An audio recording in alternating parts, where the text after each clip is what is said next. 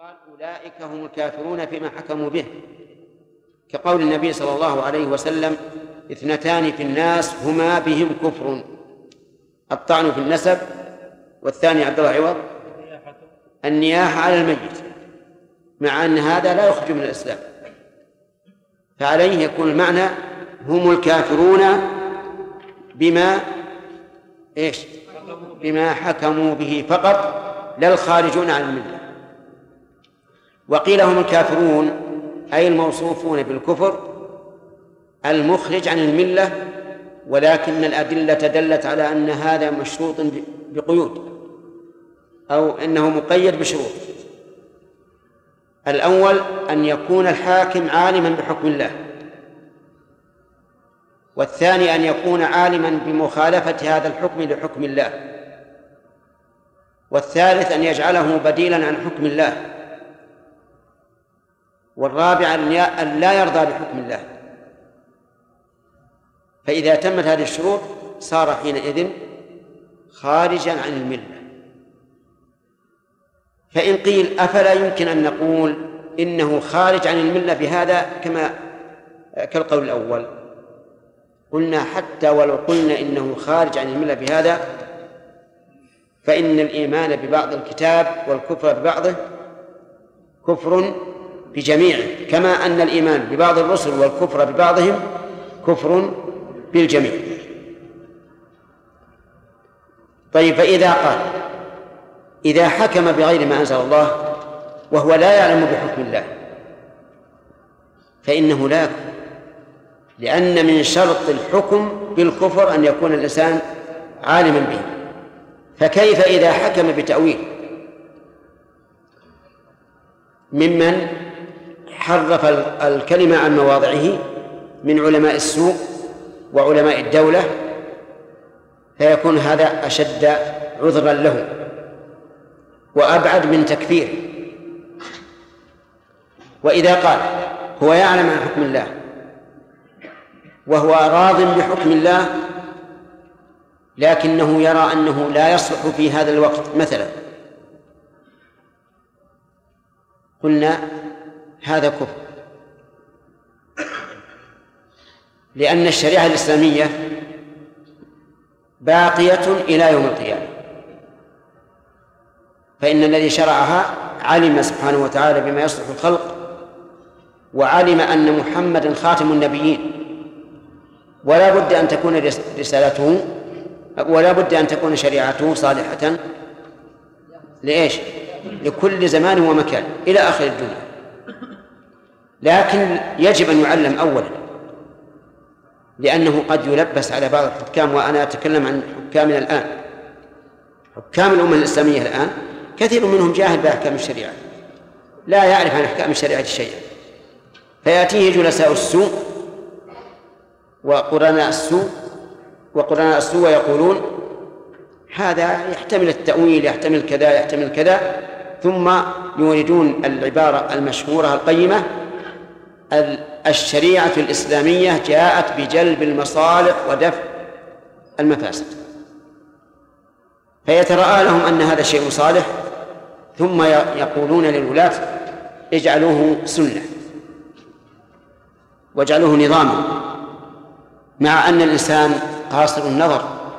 قد يبدو له في هذه الحال أن أنه صالح لكن عواقبه إيش؟ فاسدة. فمتى علمنا أن الله حرم هذا الشيء أو أوجب هذا الشيء؟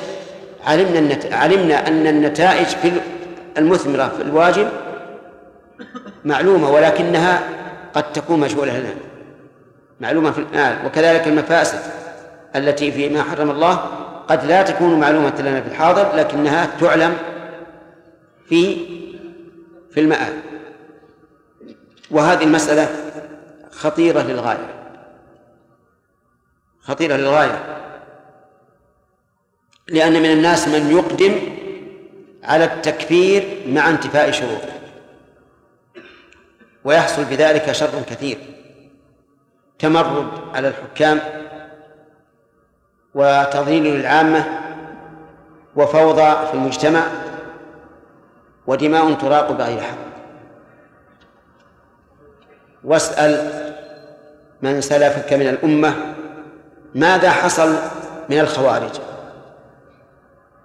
الذين كفروا معاوية ثم كفروا علي رضي الله عنهما وهم يقومون الليل ويتلون القرآن وأخبر النبي صلى الله عليه وعلى آله وسلم أن الصحابة وهم الصحابة يحقر أحدهم صلاته مع صلاتهم وقراءته مع قراءتهم ومع ذلك حصل من شرهم ما لا يعلمه إلا الله. ومن قرأ به ومن قرأ عنه. وآخر الأمة كأولها. الخروج على الأئمة لا شك أنه مفسدة عظيمة وبقاء الحكام على غير ما أنزل الله لا شك أنه مضرة عظيمة لكن الواجب أن يدرأ أشد المفسدتين بإيش؟ بأخفهما. إذا جرت الدماء يصعب جدا إيقافها. لكن إصلاح الحكام ربما يكون مع المران والمجالسة والمناصحة يمكن. لكن الدماء صعب جدا أن تحقن بعد أن أريقت. فلهذا أقول لكم إن المسألة خطيرة وإن الواجب على الإنسان أن يدرس ما قاله أهل العلم في هذه المسألة دراسة خالية من العاطفة. كلنا نحب أن تكون كلمة الله هي العليا والله تعالى يعلم ذلك. كلنا يحب أن ينتشر الشر في الأمة. لكن نعلم خطورة الوضع فيما إذا قيل إن هذا الحاكم كافر وهذا الحاكم كافر وليس عندنا فيه من الله برهان فإذا وجدنا كفرا بواحا صريحا واضحا عندنا فيه من الله برهان حتى نطبق البرهان على الواقع ويتبين أنه أنه كفر فهل يسوغ لنا أن نخرج على الإمام؟ يعني لو قلنا إنه يسوغ لا بد من شروط. أهمها أن يكون لنا القدرة على إزاحته فأما أن نخرج عليه وليس بأيدينا إلا مشاعب الإبل وسكاكين المطابخ وهو معه الدبابات والطائرات. هل يليق هذا؟ عجيب يا جماعة. لا وليس من الحكمة ولا من الشريعة. هل أمر المسلمون وهم مضطهدون في مكة هل أمروا أن أن يقاتلوا؟ ما أمروا أن يقاتلوا لأنه لا طاقة لهم بذلك فإذا قدرنا أن هذا الحاكم كافر كفرا بواحا عندنا فيه من الله برهان كالشمس ورأيناه يسجد للصنم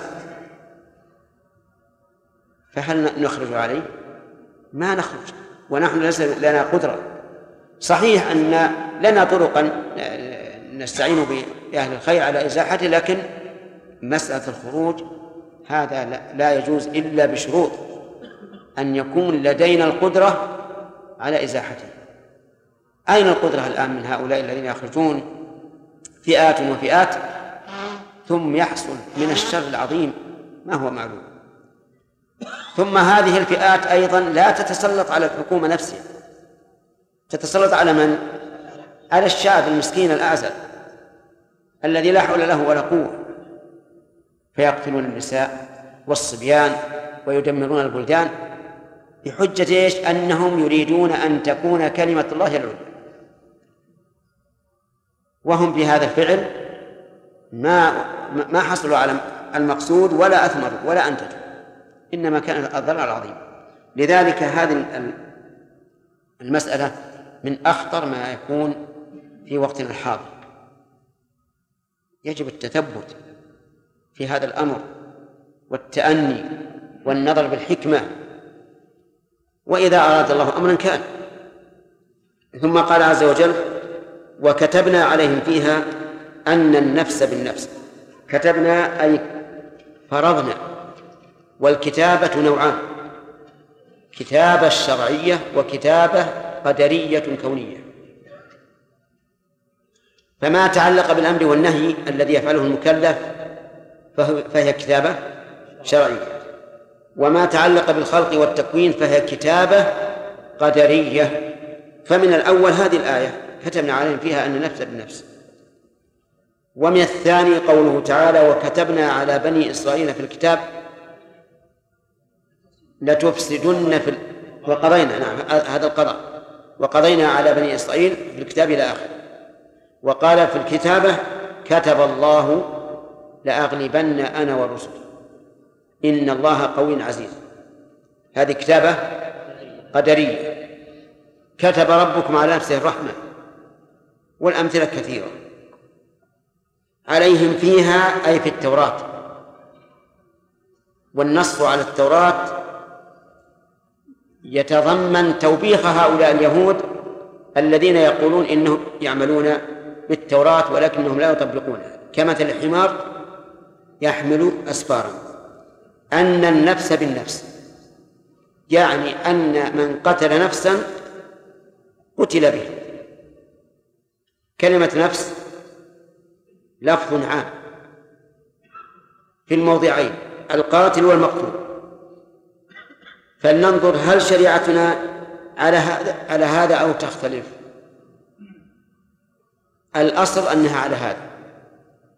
والدليل على هذا قول النبي صلى الله عليه وعلى آله وسلم لا يحل دم امرئ مسلم إلا بإحدى ثلاث الثيب الزاني والنفس بالنفس. النفس بالنفس. هذا لفظ الحديث وهذا لفظ الآية التي حكاها الله عز وجل عن التوراة أن النفس بالنفس. إذن فالأصل أن من قتل نفسا قتل بها. فلننظر قتل قتل شاب طفلا. شاب مسلم قتل طفلا مسلم. يقتل به ولا لا؟ يقتل به. نفس بنفس. رجل قتل امرأة. يقتل يقتل بها. عاقل قتل مجنونا يقتل به. كافر قتل مسلما. يقتل به. يقتل به. لا إله إلا الله. الآية التي معنا الآية التي هنا. آه، تقتضي أن يقتل به؟ كافر قتل مسلما يقتل به. مسلم قتل كافرا؟ يقتل به يا أخوان خلينا نعرف الأدلة من آه، الأحكام من الأدلة. الآن بين أيدينا أن النفس بالنفس والحديث النفس بالنفس. يقتل به؟ طيب. والد قتل ولد يقتل به. ولد قتل والده. يقتل به. حر قتل عبدا سيد قتل مملوكا يقتل به. هل كل شيء الأصل فيه أن يقتل أن تقتل نفس النفس هذا الأصل. يبقى النظر هل هذا العموم خصص؟ نقول نعم خصص. فإذا لم يثبت التخصيص في مسألة ما فالأصل العموم الأصل العموم. لننظر الكافر يقتل بالمسلم كافر قتل مسلما يقتل به لا شك. مسلم قتل كافرا لا يقتل به. ما الذي أخرجه من العموم؟ أخرجه من العموم ما ثبت عن النبي صلى الله عليه وسلم أنه قال لا يقتل مسلم بكافر. لا يقتل مسلم بكافر. والتعليل أن المسلم طاهر عبد لله حقيقة والكافر نجس متمرد مستكبر. والمسلم من أولياء الله والكافر من أعداء الله. آه نعم المسلم من أولياء الله والكافر من أعداء الله. واضح؟ فكيف يكون هذا ندا لهذا؟ أو بدلا عنه. فإذا عندنا منقول ومعقول في أن المسلم لا يقتل بالكافر. طيب هذا واحد. هل يقتل الرجل بالأنثى؟ نعم يقتل. الآية عامة. فيقتل الرجل بالأنثى. يعني رجل قتل امرأة يقتل. فإذا قال إنسان الرجل أشرف من المرأة. وبه يقوم الجهاد والأمر بالمعروف والنهي عن المنكر والولايات والأحكام. هم القضاة هم الولاة. لن يفلح قوم ولوا أمرهم امرأة فكيف يكون ها تكون المرأة كفءا للرجل؟ فيقتل بها. نقول عندنا عموم. عندنا عموم وعندنا أيضا دليل خاص وهو أن جارية من الأنصار كان عليها أوضاح من ذهب أو فضة فقتلها فقتلها يهودي. رض رأسها بين حجرين. وأدركت قبل أن تموت. فقيل لها من فعل بك هذا؟ من فعل بك هذا؟ فلان فلان فلان فلان حتى ذكر اليهودي. فأشارت أن نعم يعني أنه هو الذي قتله فأخذ اليهودي فاعترف فأمر النبي صلى الله عليه وعلى آله وسلم بالعدل أن يرض رأسه بين رجل بين حجرين. فرد رأسه بين حجرين. قصاص فهنا قتل رجل بإيش؟ بامرأة. قتل رجل بامرأة. فإذا قال قائل الرجل ناقص عن عن هذه المرأة بالدين. فنقصه جعله يكون مكافئا لها. قلنا هذا لا أثر له. لأن الدين إذا كان القاتل هو الأدنى لا يؤثر شيئا. أصلا لا يؤثر شيئا. إذ أن الكاف المسلم إذا قتله الكافر قتل الكافر. طيب. إذا قتل عاقل مجنونا. يقتل به المجنون. إذا قتل إذا قتل العاقل مجنونا أراح الناس منه. ومن شر يقتل نعم يقتل للعموم. طيب. قتل والد ولده. يقتل يقتل. حتى يوجد دليل. طلبنا دليلا ما وجدنا دليلا صحيحا. وحديث لا يقتل والد بولده ليس له إسناد مستقيم. والتعليل بأن الولد لا الوالد لا يقتل بالولد آه، الوالد إذا قتل ولده لا يقتل. التعليل بأن ألو... بأن الولد الوالد كان سبب وجود الولد فلا ينبغي أن يكون الولد سببا في إعدامه. هذا التعليل عليل بل هو بل هو تعليل ميت ما في حراك. لأنه من كان السبب في إعدام في الإعدام؟ الوالد هو الذي قتل. ولهذا لو قيل إن قتل الوالد بالولد أولى من قتل الأجنبي بأجنبي لأن قتل الوالد لولده ارتكاب شيء منهي عنه بخصوصه في القرآن. ولا تقتلوا أولاده. ثانيا قتل الوالد لولده من أكبر قطيعة الرحم. وهذه جناية. فكيف يكون ارتكاب هذا الوالد هذه الجناية؟ ومع ذلك نقول لا قصاص. فإذا تبين أن المخصص لا يصح نقلا ولا يصح عقلا وجب أن يكون الحكم إيش؟ عاما حتى مع حتى في قتل الوالد بولده. طيب ولد قتل والده؟ يقتل. يقتل ولا إشكال؟ ولا إشكال تمام. لأن قتله لوالده من أكبر العقوق فلا ينبغي أن يتسامح فيه ويقتل. طيب. مملوك قتل سيده. يقتل به؟ مملوك قتل سيده. يقتل به؟ متأكدون؟ طيب. مالك قتل عبده. يقتل به؟ نعم. يقتل به هذا الأصل والفرق. يقتل به. لعموم النفس بالنفس. ولأنه جاء في حديث عن النبي عليه الصلاة والسلام من قتل عبده قتلناه وإذا قتل الحر عبد غيره قتل به لأنه إذا قتل بعبده الذي هو يملكه فقتله بعبد غيره من باب أولى طيب إذا ما لم يصح الآن في تخصيص هذه الآية إلا ما هو؟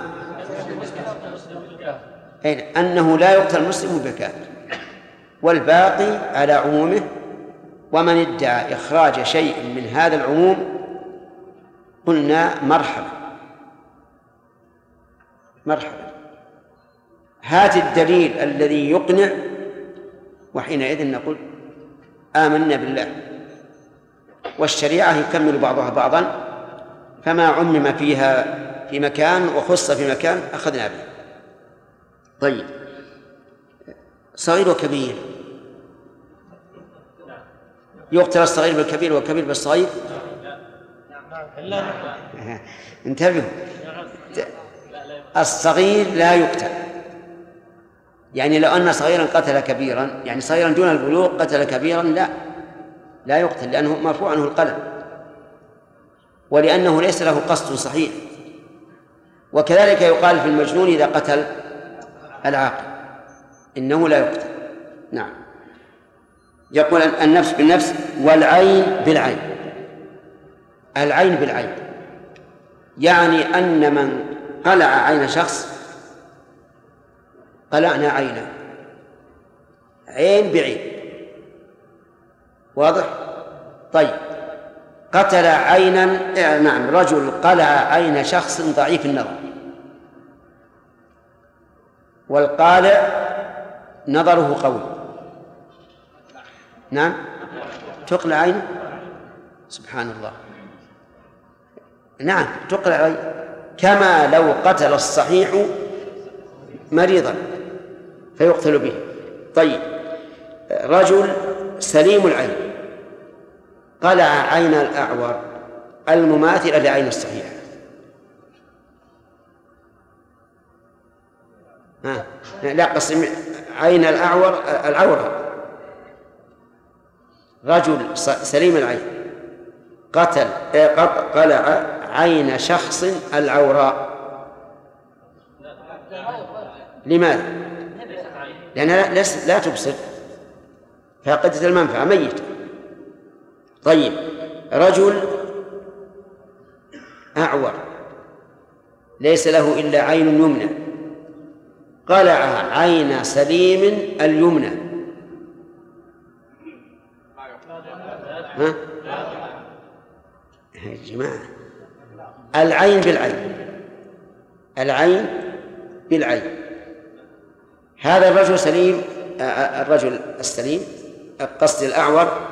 قلع عين الرجل السليم اليمنى وله أي الأعور؟ عين يمنى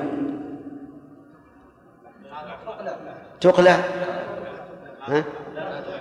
لا تقلع تقلع طيب نشوف. هل العلماء مختلفون في هذا؟ منهم من قال تقلع عين الأعور. وقال وأخذ بالعموم العين بالعين. هذا الرجل الأعور الذي ليس له إلا عين يمنى قلع عين رجل سليم العينين اليمنى عمدا فتقلع. فإذا قال قائل إنكم إذا قلعتم عينه الباقية صار أعمى. نقول من الذي من الذي جعله يتعدى على هذا الرجل؟ ويقلع عينه. هو الذي جنى على نفسه. نحن لم نجن عليه وقال بعض العلماء إنه لا يقلع لا تقلع عينه لأن ذلك يؤدي إلى فوات منفعة لا يوجد لها نظير في البدن وهو الإبصار. لكن بعضهم قال يعطيه ذاك نصف الدية. من؟ نعم يعطى الدية كلها يعطى الدية كلها أفهمتم؟ الأعور الآن لما قلع عين الصحيح اليمنى وهو له عين اليمنى نقول لا نقل عين الأعمى لكن تلزمه الدية كاملة عن عين إيش؟ الصحيح العينين دية كاملة مع أن العين نصف الدية لكن هنا تلزمه الدية كاملة لأن إبقاء عينه عوض عن إبصار كامل بالنسبة بالنسبة لمن؟ للأعور. والإبصار الكامل فيه دية كاملة. وبعضهم يقول لا ليس فيها إلا نصف الدية. مطلقا. والذي يظهر أن الصواب أحد أمرين إما أن تقلع عينه ويقال أنت الذي جنيت على نفسك وإما أن لا تقلع لكن يلزمه للآخر دية كاملة فيضاعف عليه الغرم أفهمتم؟ طيب الأنف بالأنف الأنف بالأنف آه، تعرفون الأنف له قصبة من العظام وله أرنبة من العظيم من العظام الرقيقة. فهل المراد العظام الرقيقة أو كل الأنف؟ بعض العلماء يقول كل الأنف. بعض العلماء يقول كل الأنف. إذا قص الأنف من عند الجبهة قصصنا أنفه من عند الجبهة. وبعضهم يقول لا. لا يمكن أن يكون أنف بأنف إلا إذا كان القطع من الجانب اللين من الأنف لأنه هو الذي يمكن الاستيفاء منه لأن له حدا فاصلا بينا. ويسمى هذا يسمى المارن المارن مارن الأنف وهو ما لأن منه. لكن القول الراجح الأول أنه يقتص من الأنف من حيث كان موضع الجانب لا سيما في وقتنا الحاضر. الطب الآن متقدم. ولا يمكن أن يكون فيه حيف. يعني الذين قالوا لا يقتص من العظم قالوا يخشى أن يكون فيه حيف. يبقى العظم يتشذرم ولا ولا يكون الاقتصاص التام نقول الآن الحمد لله. في وقتنا الحاضر. الطب متقدم يمكن أن يقتص بالشعرة. أليس كذلك؟ طيب. إذا قلنا بهذا فهل المعتبر المساحة أو النسبة؟ فاهمين الكلام؟ النسبة ولا المساحة؟ فراس ماذا يقول؟ ها. إذا قلنا المساحة وكان المجني عليه أنفه كبيرا كان أنفه كبيرا والجاني أنفه صغير إذا قلنا بالمساحة وقطع نصف أنف ذي الأنف الكبير نصفه يقابل أنف الثاني بالكامل وربما زيادة أيضا. فهل العبرة بالمساحة أو بالنسبة؟ نعم إذا العبرة بالنسبة. واضح يا فراس؟ واضح. العبرة بالنسبة. طيب انتهينا من الأنف. الأنف نجد أن بعض الناس يكون عنده شم يشم الروائح الطيبة والخبيثة. وآخر لا. فهل إذا قطع الرجل الذي يشم أنف من لا يشم هل نقطع أنفه أو لا؟ كيف نقطع؟ هذا ما يشم.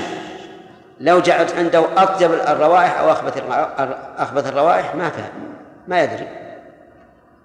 نعم. يقطع؟ تمام. لأن الآية عامة الأنف بالأنف ولأن الشم ليس في نفس الجثومة هذه في إيش يا يحيى؟ ما تدري؟ لا. كلنا يدري. أين الشم بالمخ؟ ما هو هنا. أفهمت؟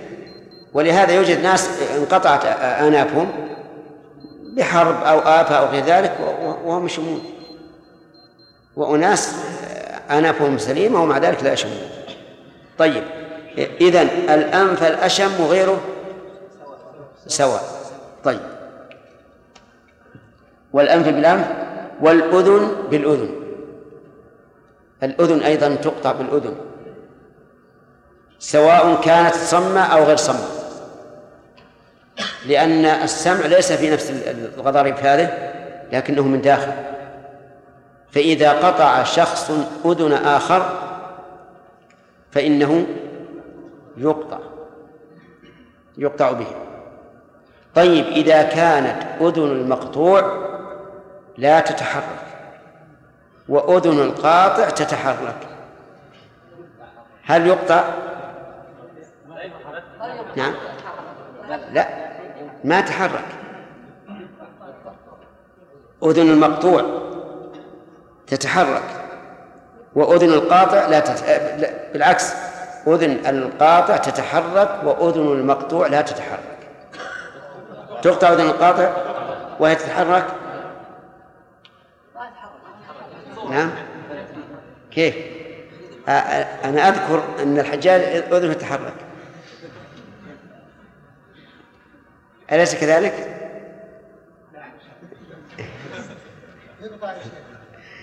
على كل حال يقطع. وقد ذكرون أناس يحركون آذانهم تحريكا كبيرا. ما هو صغير؟ لكن أكثر الناس لا يستطيعون. أليس كذلك؟ طيب. لأن هذه الحركة غير مقصودة. والفائدة منها قليلة. وإلا لقلنا إن هذا مثل الشلة والسليم على أن الفقهاء رحمهم الله قالوا إن الشلة الشلل في الأذن والأنف لا لا يؤثر. لأن الأنف والأذن الصورة باقية ولو كان ولو كان هناك شلل. طيب الأنف بالأنف والأذن بالأذن والسن بالسن. السن بالسن. ونسينا أن نقول العين بالعين لا بد من اتفاقهما. اليمنى باليمنى واليسرى باليسرى وكذلك نقول بالنسبة للأذن اليمنى باليمنى واليسرى باليسرى. السن السن بالسن. ألبة هنا لا شك أنها بدل أو عوض. فلا بد أن يكون السن المقلوع مماثلا لسن الجانب. لسن الجانب. فمثلا هل تقلع الثنية بالرباعية؟ ثنية هذه تقلب الرباعية ليش؟ لعدم لعدم الاتفاق. والبا كما قلت لكم الآن إنها للعوض أو للبدل لا يمكن أن تكون الرباعية بدلا عن الثنية أو بالعكس. طيب إذا إذا إذا قلع بعض السن. يعني كسر بعض السن. هل يقتص منه؟ نعم يقتص منه. ويقدر بإيش؟ بالنسبة. إذا كان الجاني قد برد سن المجني عليه حتى ذهب نصفه. نبرد سن الجاني حتى يذهب نصفه. فإذا قال الجاني يا جماعة ارأفوا بي. قصوا السن بدلا عن البرد. تعرفون البرد والقص طيب هل نطيعه؟ لا نطيعه. لأنه كما آلم المجني عليه فإننا نؤلمه. ولهذا لو قال لنا في مسألة العين أو مسألة الأذن آه، بنجوني قلنا لا نبنج. كما أنك فعلت بالمجني عليه نفعل بك. طيب. بالنسبة للأذن إذا أخذ بعض الأذن ما دام يمكن القصاص يا أخوانا ما دام يمكن القصاص فإنه يجب القصاص. هو العدل. قال والجروح قصاص. لما ذكر الله تعالى الأعضاء ذكر الجروح. لكن بقي أعضاء ما ذكرت مثل اليدين والرجلين والأصابع لكن يثبت الحكم في هذه في إيش؟ في القياس على ما ذكر. الجروح قصاص. كلمة الجروح عامة. تشمل كل جرح. لكن كلمة قصاص تقيد هذا العموم. إذ أن المفهوم منها أن الجروح قصاص فيما يمكن إيش؟ الاقتصاص منه.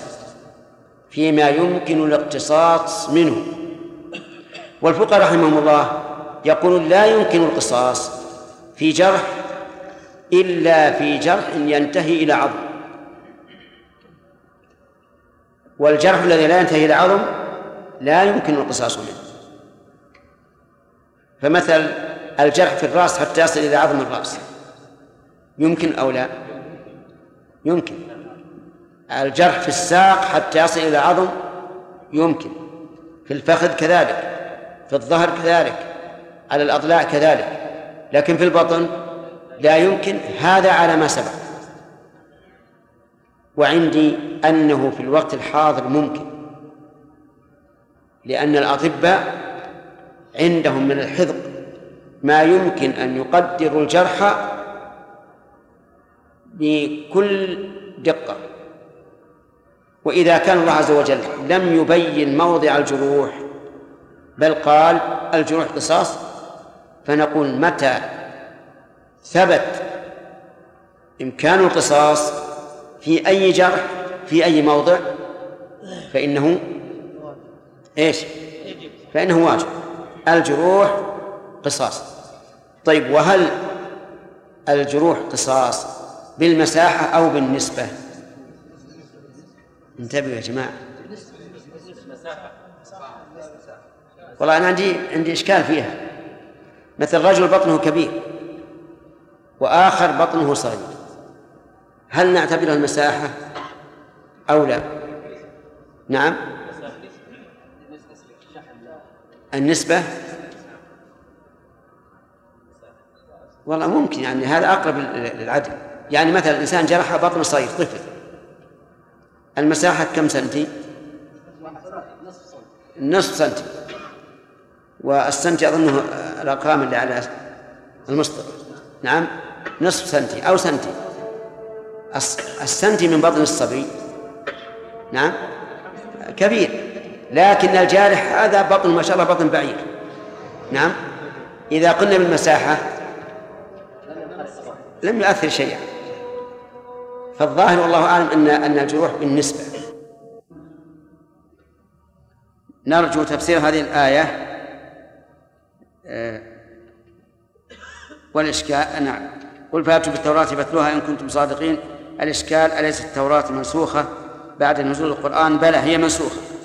لكن من أجل أن أن يرد عليهم من كتابه. لأنهم لا يؤمنون بالقرآن يؤمنون بالتوراة. ليش؟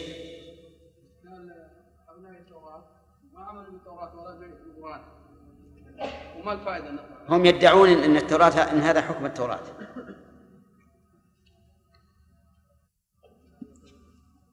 نعم. الله فأولئك هم الظالمون. كفاية.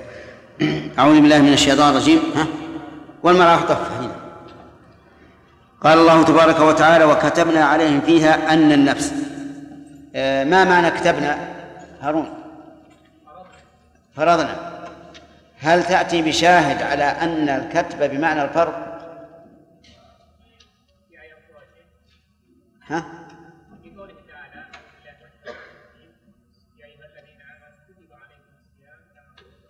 نعم. الشاهد في قوله تعالى يا أيها الذين آمنوا كتب عليكم الصيام كما كتب على الذين من قبلكم. طيب. قوله النفس بالنفس هل ورد شرعنا بموافقة هذا أو لا؟ ورد شرعنا بموافقته؟ في أي ما في أي دليل؟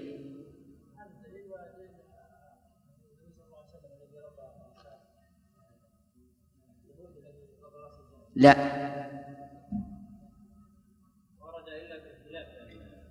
ها؟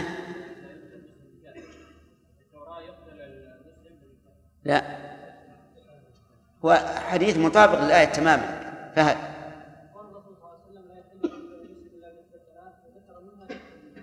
أي نعم. نسيتم هذا؟ طيب. قوله العين آه النفس بالنفس هل هو على عمومه؟ سامع. نعم. إذا ليس على عمومه. طيب. آه ما الذي يستثنى منه؟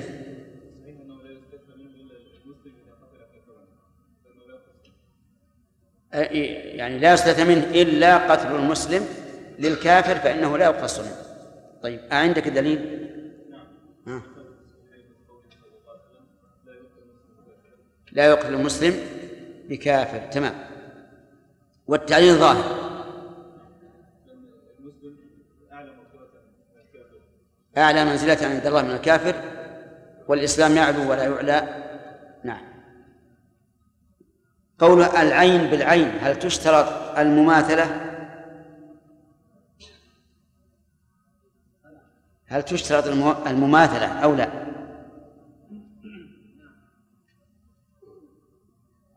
يعني اليمنى ما ما ما اليمنى لا تقلع باليسرى؟ عجيب. ها. اليمنى لا تقلع باليسرى. واليسرى تقلع باليمنى؟ لا. هل يمكن أن نأخذ هذا من الآية؟ كيف نأخذ؟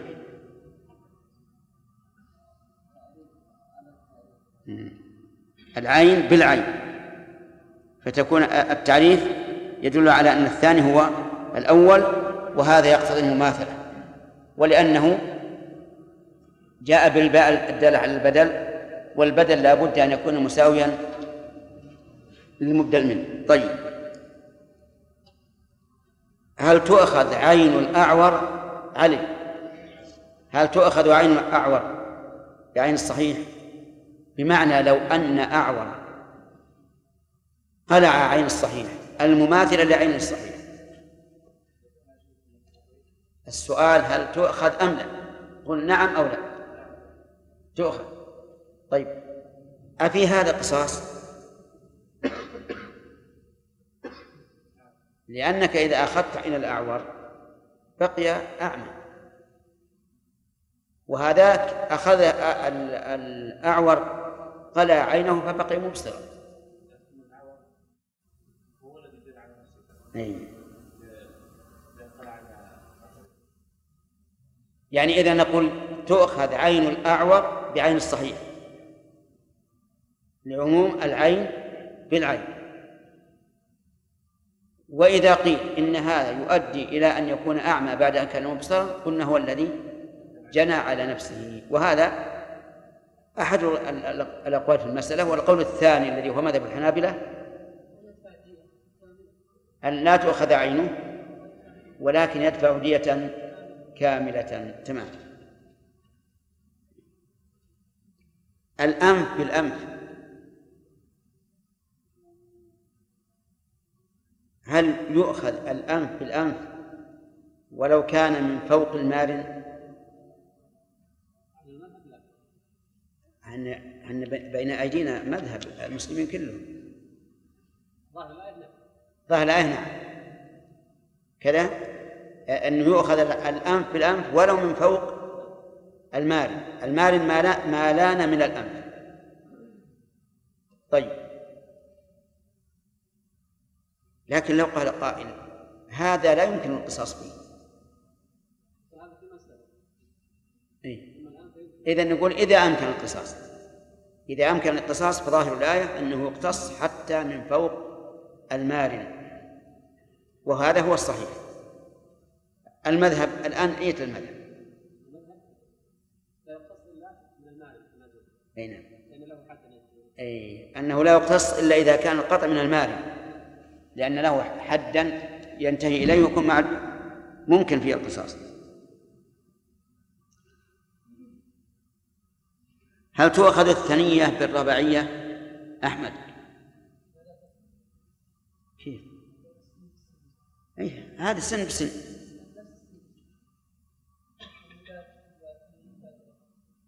البل البدلية وأيضا السن الثاني هو السن الأول لأنه جاء بالتعريف. نعم؟ طيب. أتعرف الثنية من الرباعية؟ تعرف الثنية من الرباعية؟ ما هي الثنية؟ كلها في الواجهة حتى الرباعية. في النصف؟ ما هي في النصف. الثنية ما هي في النصف. لأنهما ثنيتان كل واحدة في جانب.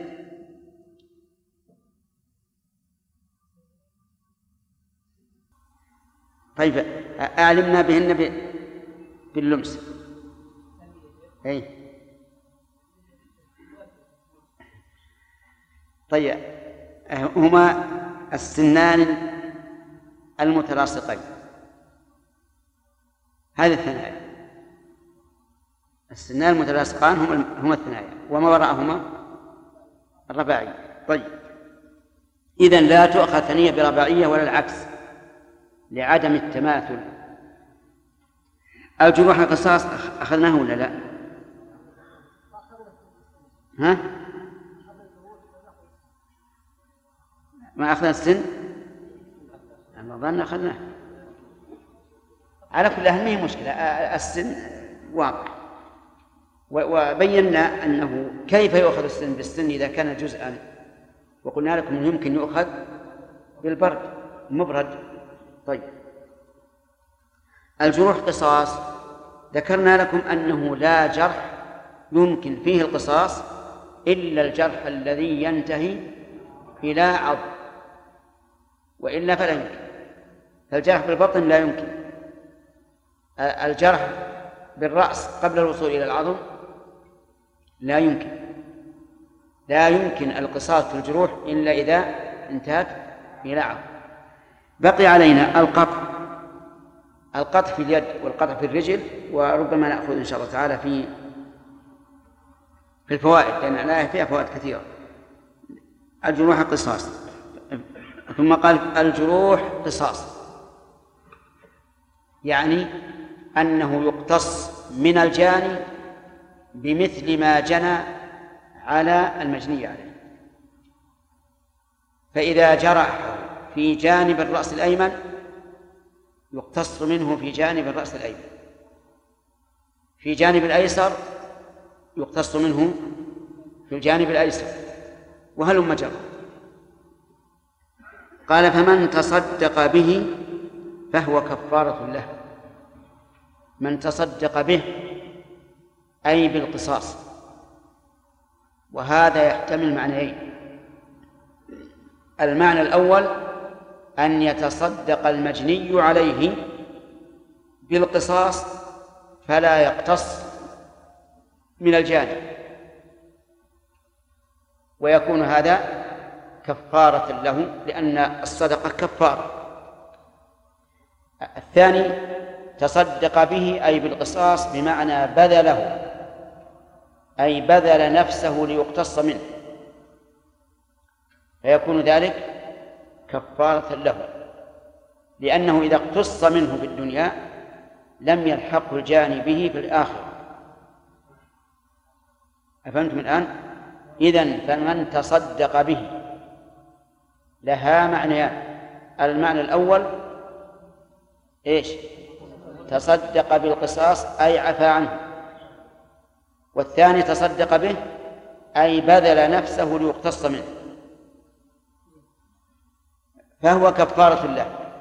أما كونه كفارة للمتصدق الذي هو المجني عليه فظاهر لأنه أحسن إلى أخيه وتصدق عليه بأعز شيء عليه وهو وهو نفسه إذا كان ذلك بالنفس. وأما كونه كفارة للمجني وأما كونه كفارة للمجني عليه للجاني فلأنه سلم نفسه بسهولة. فيكون تسليمه نفسه ليقتص منه كفارة لجريمته وجنايته ولا يعاقب به. إذ لا يجمع الله تعالى على الإنسان عقوبتين عقوبة الدنيا والآخرة. فهو كفارة له. لمن؟ للمتصدق سواء هذا أو هذا.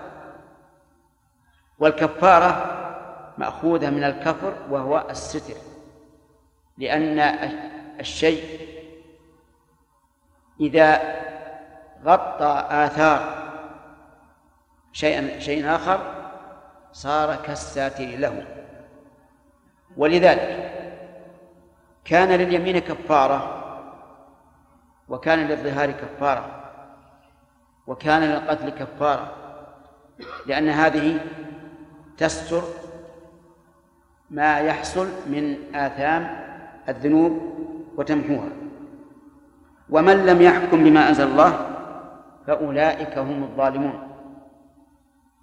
نقول في هذه الجملة كما قلنا في الجملة الأولى هل المراد من لم يحكم بما أنزل الله من اليهود؟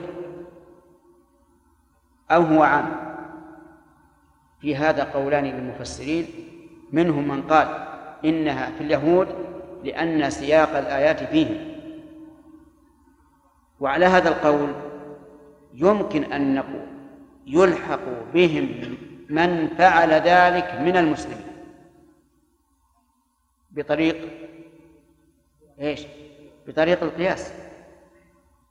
وأما والقول الثاني في المسألة أن الآية عامة. في كل من لم يحكم بما أنزل الله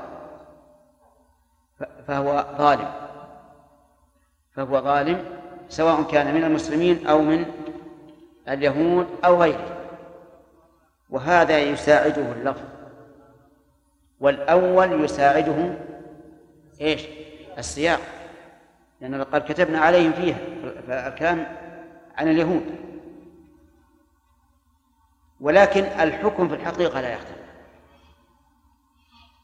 في من لم يحكم بما أنزل الله من المسلمين. لأننا نقول إن شمله اللفظ فقد شمله الحكم بالدليل اللفظي وإن لم يشمله فقد شمله الحكم بالدليل المعنوي وهو القياس. طيب. وقوله فأولئك هم الظالمون هم ضمير فصل. وضمير الفصل حرف لا محل له من الإعراب. لكن يؤتى به للفصل بين الصفة والخبر أي بين النعت والخبر. فإذا قلت زيد الفاضل تريد أن تخبر عنه بأنه الفاضل فإنه يحتمل أن تكون الفاضل نعتا لزيد والخبر لم يأتي بعد. فإذا قلت زيد هو الفاضل تعين أن يكون خبرا ولهذا سمي ضمير فصل. وفائدة وفائدة ما ذكرنا وفائدة أخرى التوكيد وفائدة ثالثة الحصر. طيب هل نقول فأولئك هم الظالمون؟ هل لا يوجد أحد ظالم إلا هؤلاء؟ بناء على أن ضمير الفصل يفيد الحصر؟ فالجواب لا. هذا حصر نسبي. أي فأولئك هم الظالمون في عدم تطبيق ما ذكر في الآية. وإلا فإن الكافرين هم الظالمون. والمفتري على الله كذبا ظالم. وهو أظلم الناس. فمن أظلم ممن يفترى على الكذب. في هذه الآية الكريمة فوائد. منها أن الله فرض على اليهود فرض على اليهود القصاص. فرض على اليهود القصاص. لقوله وكتبنا عليهم فيها أن النفس بالنفس. لكن إذا قال قائل كيف نقول ذلك؟ وقد فسرنا قوله فمن تصدق به فهو كفارة له بأنه المجني يعفو عن الجاني نقول نعم. فرض الله عليهم القصاص أو العفو مجانا. هذه الأمة رخص الله لها في القصاص. والعفو مجانا. وأخذ الدية والمصالحة.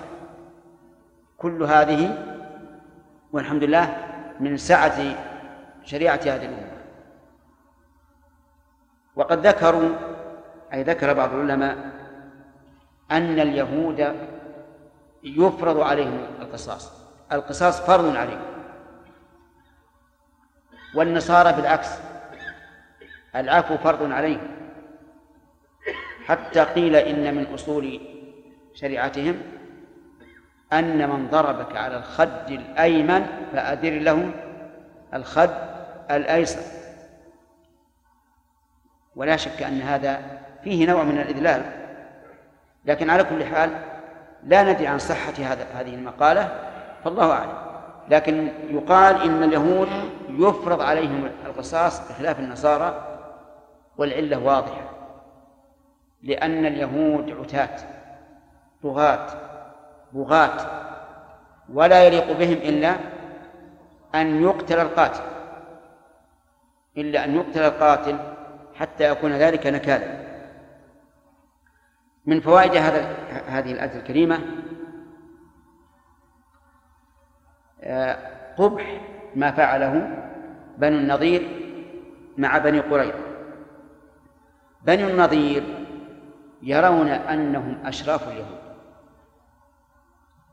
ولذلك إذا قتل النظيري قرضيا فإنه لا يقتل به. وإذا قتل القرضي نظيريا فإنه يقتل به. سبحان الله كلهم يهود. لكن يقول هذا الأشرف وأفضل وإذا قتل النظيري قرضيا فله نصف الدية إذا لم يقتص. وإن كان العكس فله الدية كاملة. هكذا ذكر المفسرون في هذا المكان في هذا الموضع ومن فوائد الآية الكريمة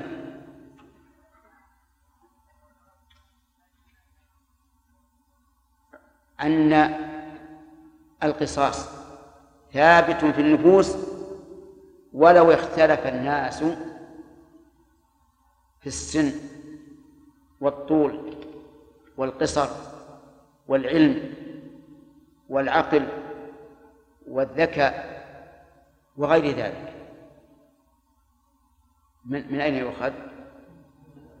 من من العموم ولهذا لو أن رجلا شابا عالما كريما حسيبا قتل طفلا في المهد فإنه يقتل به. لأنه لا عبرة بالاختلاف في هذه الأشياء وذلك للعموم. ومن فوائد الآية الكريمة جريان القصاص في, في الأعين لقوله العين بالعين. ومن فوائدها قصاء نعم. جريان القصاص بين الأناف. لقوله الأنف بالأنف ومن فوائدها أيضا جريان القصاص في الآذان. لقوله الأذن بالأذن. ومن فوائدها جريان القصاص بالسن بين الأسنان. كم هذه من عضو؟ أربعة. باقي أعضاء. بقي أعضاء. منها اليدان والرجلان واللسان وغيرها من الأعضاء. فهل الحكم فيها كالحكم في هذه؟ الجواب نعم. الحكم فيها كالحكم في هذه بالقياس الجلي الواضح. وإنما ذكر الله عز وجل هذه الأعضاء الأم العين والأنف والأذن والسن. لعلهم يعني اليهود يخالفون في القصاص في هذه الأشياء. فنص عليها لوقوع المخالفة فيها. أقول لعل ولا أجزم بهذا لأن الله أعلم بما أراد في كتابه لكن نعلم أن ما سواها من الأعضاء يكون مثلها. فمثلا الإصبع بالإصبع. يؤخذ الخنصر بالخنصر والإبهام بالإبهام وما بينهما كذلك. القدم بالقدم الكف بالكف الذراع بالذراع. وهلم جرا لكن هل يشترط أن يكون القطع من مفصل أو لا يشترط. في هذا خلاف بين العلماء. منهم من قال لا بد أن يكون القطع من مفصل. وإذا لم يكن من مفصل فلا قصاص مطلقا. انتبه. مثلا الذراع. مفصله إيش؟ إيش؟ المرفق. من جهة العضد والكف من جهة اليد. فإذا قطع الإنسان الذراع من النصف الجاني قطع الذراع من النصف. فالقطع الآن ليس من مفصل. فعلى من اشترط أن يكون فعلى قول من اشترط أن يكون القطع من مفصل لا يقطع حتى لو قال المجني عليه اقطعوا هذا الرجل من الكف وأنا سامح عن الزائد لا يقطع لعدم توفر الشر.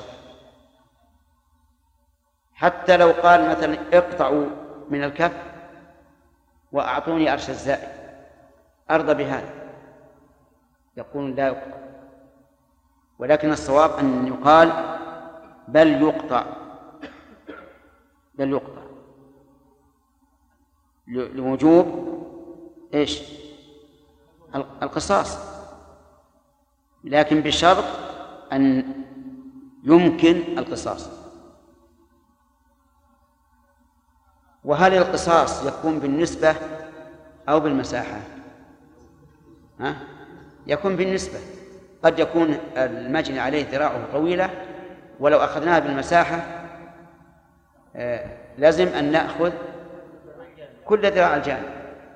ولكن إذا كان القطع من النصف قلنا خذ النصف. وإذا كان من الثلث قلنا خذ الثلث. هذا هو القول الراجح. فإذا لم يمكن فالصواب أن أن للمجني عليه أن يطلب القصاص مما دونه من المفصل وله أن يطلب أرش الزائد أيضا. هذا هو القول الراجح. لأن لأن الله تعالى يأمر أمر بالعدل وهذا هو العدل. فإذا قال المجنى عليه اقطعوه من الكف.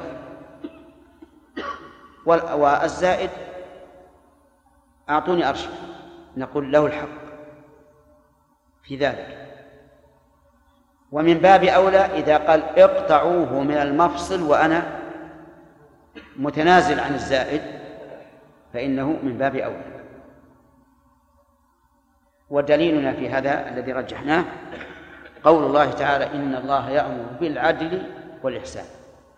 فمتى أمكن العدل وجب الأخذ به. طيب إذا قطع ذكر إنسان يقطع ذكر أو لا؟ يقطع ذكر طيب. إذا قدر أن المقطوع ذكره عقيما آه، كان عقيما. والقاطع سليم. هل يقطع أو لا؟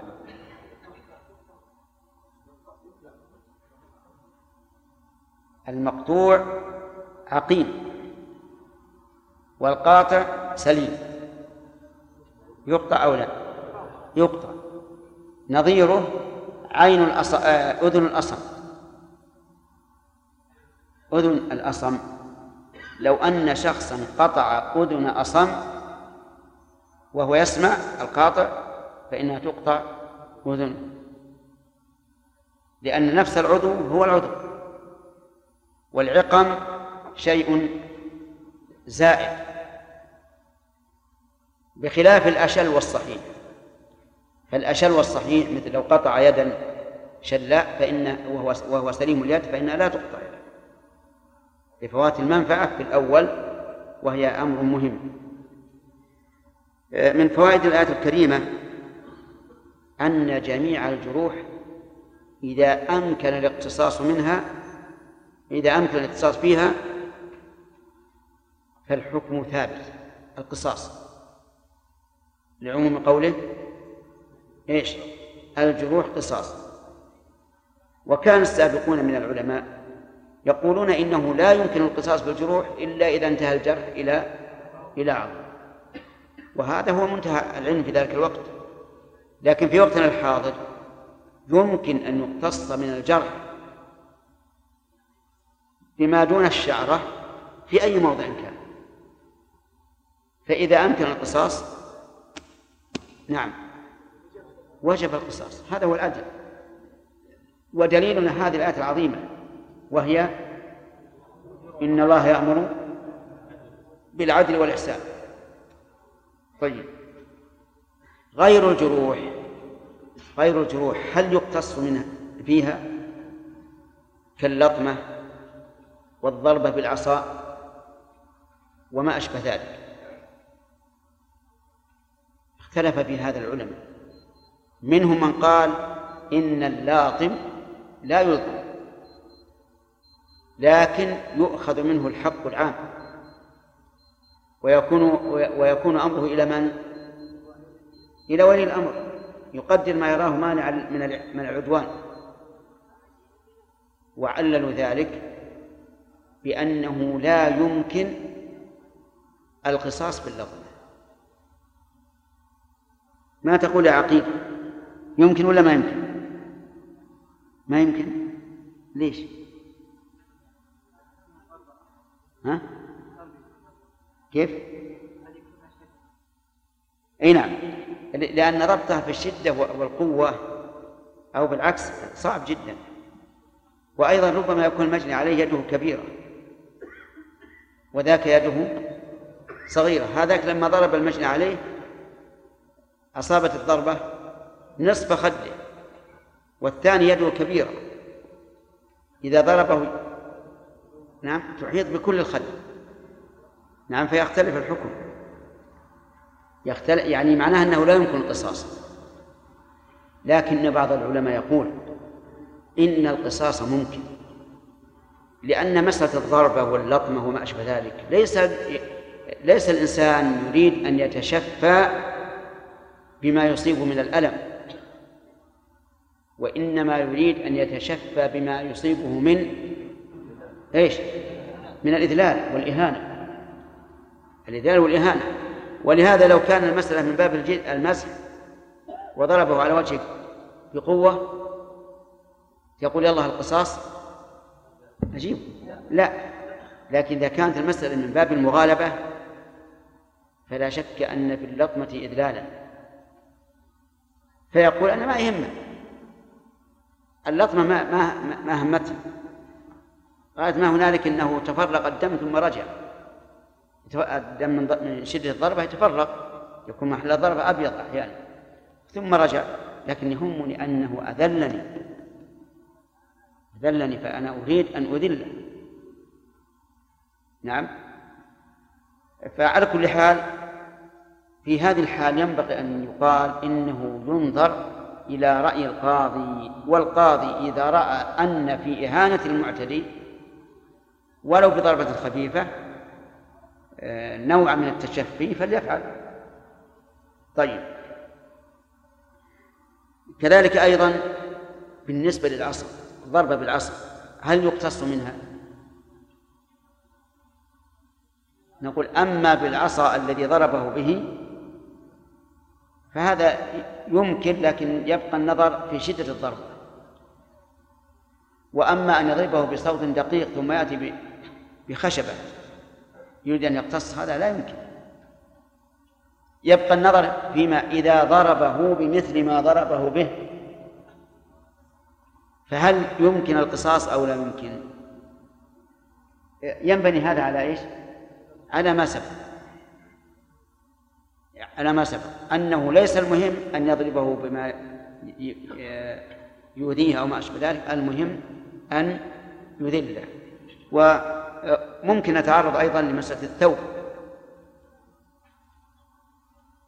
مسألة الثوب لو شق ثوب إنسان هل يقتص منه بشق ثوبه؟ هذه فيها خلاف أيضا. من العلماء من يقول لا.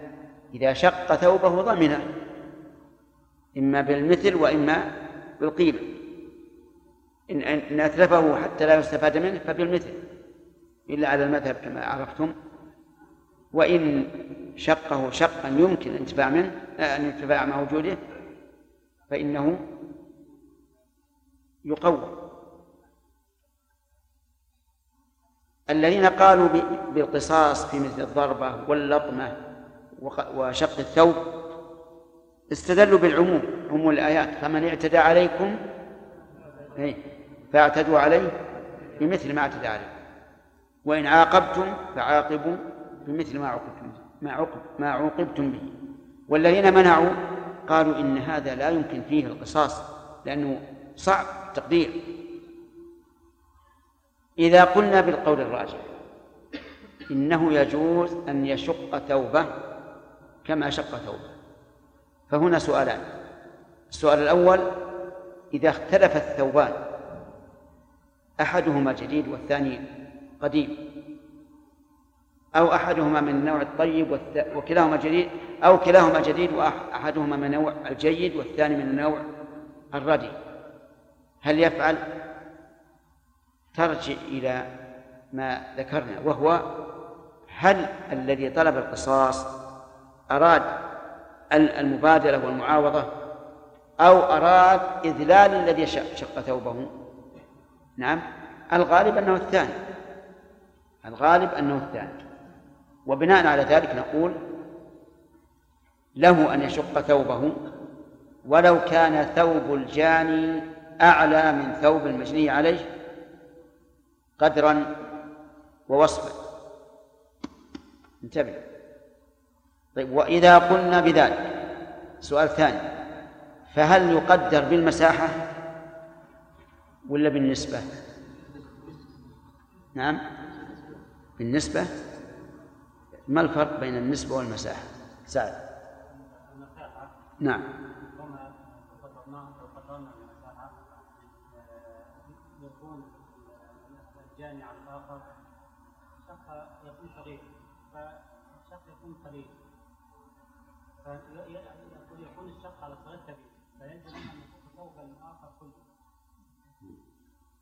يعني لو كان الجاني ثوبه طويل.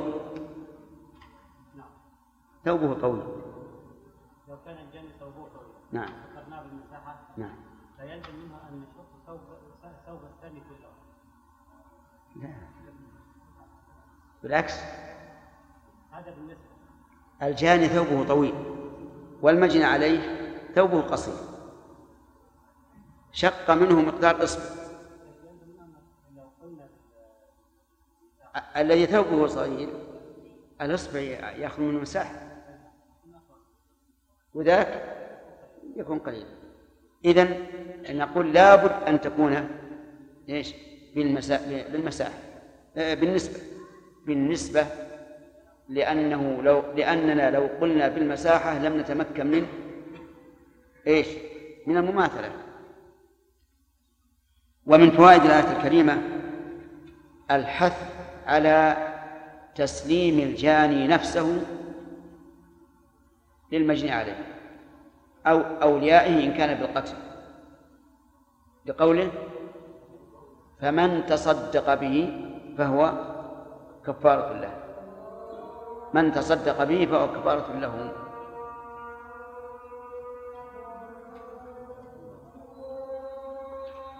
ويأتي إن شاء الله البقية في الدرس القادم.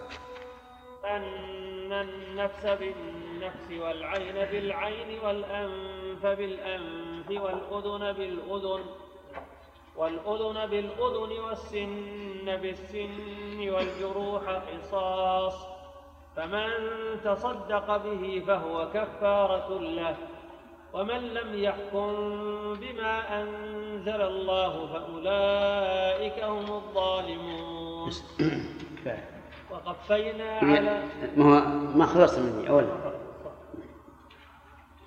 أعوذ بالله من الشيطان الرجيم. أخذنا من فوائد هذه الآية. إلى؟ ها؟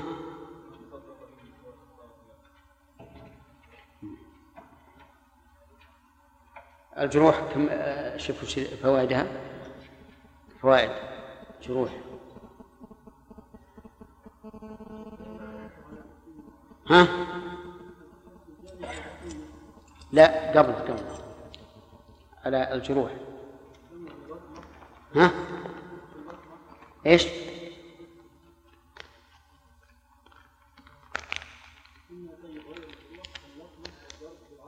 قبل قبل الجروح.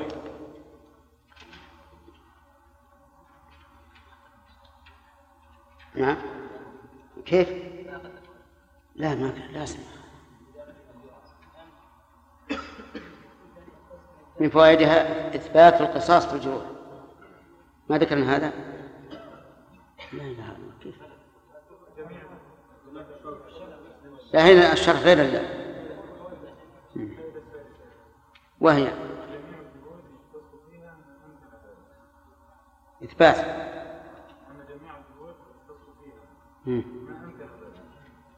كذا عندكم؟ موجودة. طيب. يعني قصدنا أن سواء ينتهي إلى عظم أو لا ينتهي إلى عظم خلافا لمن قال إنه لا لا قصاص في جرح إلا ما انتهى إلى عظم. هذا في الشرح. لا هذا القطع. طيب على كل حال العبارة الفائدة السادسة التي ذكرت تكفي. من فوائد هذه الآية الكريمة الحث على العفو عن الجاني لقوله فمن تصدق به فهو كفارة له. ومن فوائدها حث الجاني على تسليم نفسه وأن ذلك يكون كفارة له. طيب.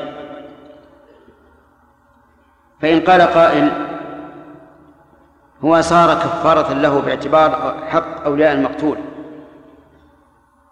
فما فما الحكم بالنسبة لحق القاتل لحق المقتول الذي قطع عليه القاتل حياته؟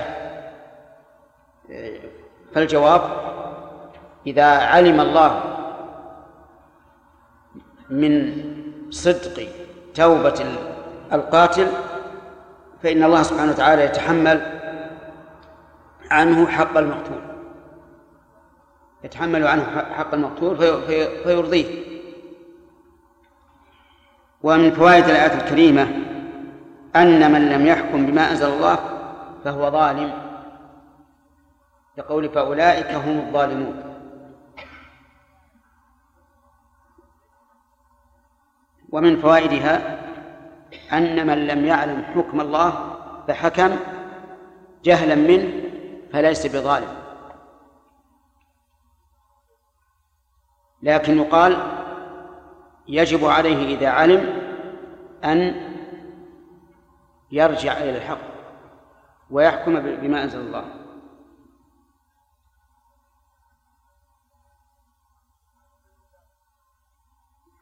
فإن قال قائل هل بين هذا الوصف فأولئك هم الظالمون وبين قوله في الآية السابقة فأولئك هم الكافرون هل بينهما تعارض بمعنى هل هما متباينتان أو أو مدلولهما واحد؟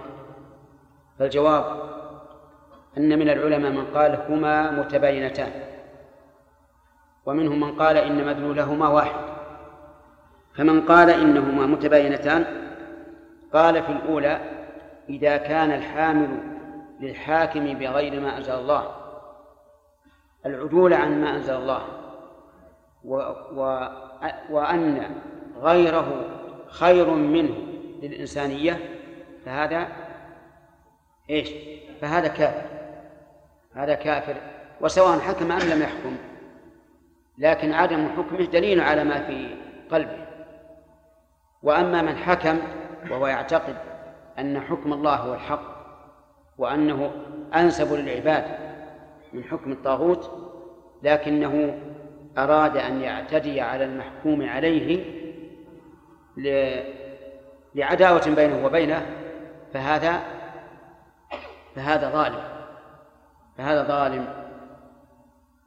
أما من قال إنهما متفقتان ولا تباين بينهما فيقول إن الكافر ظالم لقول الله تبارك وتعالى والكافرون هم الظالمون وعلى هذا فالوصفان إيش؟ متفقان على موصوف واحد. لكن الأول أظهر وأن لكل وصف آه، محل محلا خاصا. ثم قال الله تعالى وقفينا على آثارهم بعيسى بن مريم إلى آخره. قفينا أي أرسلنا عيسى بن مريم قافيا لمن سبقه أي متبعا لمن سبقه. مأخوذ من القفا لأن المتبع لآثار من سبقه يمشي إيش؟ يمشي في قفاه. قفينا على آثارهم أي على آثار الرسل السابقين. بعيسى بن مريم وهو آخر أنبياء بني إسرائيل وليس بينه وبين النبي صلى الله عليه وسلم رسول. ولهذا جعله قافيا لمن سبق لمن سبقه. ونسب إلى أمه لأنه ليس له أب. مصدقا لما بين يديه من التوراة. مصدقا حال من عيسى. يعني حال كونه مصدقا لما بين يديه من التوراة. وتصديقه لما بين يديه من التوراة له معنيان المعنى الأول أنه يصدق التوراة ويقول إنها حق والمعنى الثاني أنه يصدق خبرها حيث كان عيسى بن مريم عليه الصلاة والسلام مذكورا فيها. وقوله لما بين يديه أي لما سبقه. من التوراة وهي الكتاب الذي أنزله الله على موسى عليه الصلاة والسلام وآتيناه الإنجيل. أعطاه أعطيناه الإنجيل زائدا على تصديق ما بين يديه من التوراة. فتكون شريعة عيسى مكونة من شريعة التوراة وشريعة الإنجيل. ولهذا لا لا يعتبر الإنجيل كتابا مستقلا. بل هو تابع للتوراة. ليس فيه من الأحكام إلا شيء قليل لكن غالبه مواعظ وقصص وعبر. وآتيناه الإنجيل. فيه أي في الإنجيل هدى أي علم ونور أي أثر أي أثر نافع يستنير به القلب وهدى في هدى ونور ومصدقا لما بين يديه من التوراة. قوله مصدقا هذه عائدة على الإنجيل والأولى ومصدقا لما بين يديه عائد على عيسى. فيكون عيسى مصدقا لما بين يديه من التوراة وكذلك الكتاب الذي نزل عليه وهو الإنجيل. وهدى وموعظة للمتقين أي وجعل وجعل الله سبحانه وتعالى هذا الإنجيل هدى وموعظة ولهذا أكثر ما فيه المواعظ والعبر والقصص. أما الأحكام فغالبها مستمد من عقيل من التوراة. وقول المتقين نعم أولا هدى هو العلم الموعظة ما تتعظ به القلوب وهو الإخبار المقرون بالترغيب والترهيب. فكل خبر قرن بترغيب أو ترهيب فإنه موعظة كما كان الصحابة يقولون وعظنا رسول الله صلى الله عليه وسلم موعظة وجلت منها القلوب وذرفت منها العيون. وقوله المتقين أي الذين اتقوا الله عز وجل. وتقوى الله تعالى هي امتثال أمره واجتناب نهيه وسميت تقوى لأن الإنسان يتقي بها عذاب الله تعالى. ففي هذا الحديث فوائد. نعم أحسنت. ففي هذا ففي هذه الآية فوائد.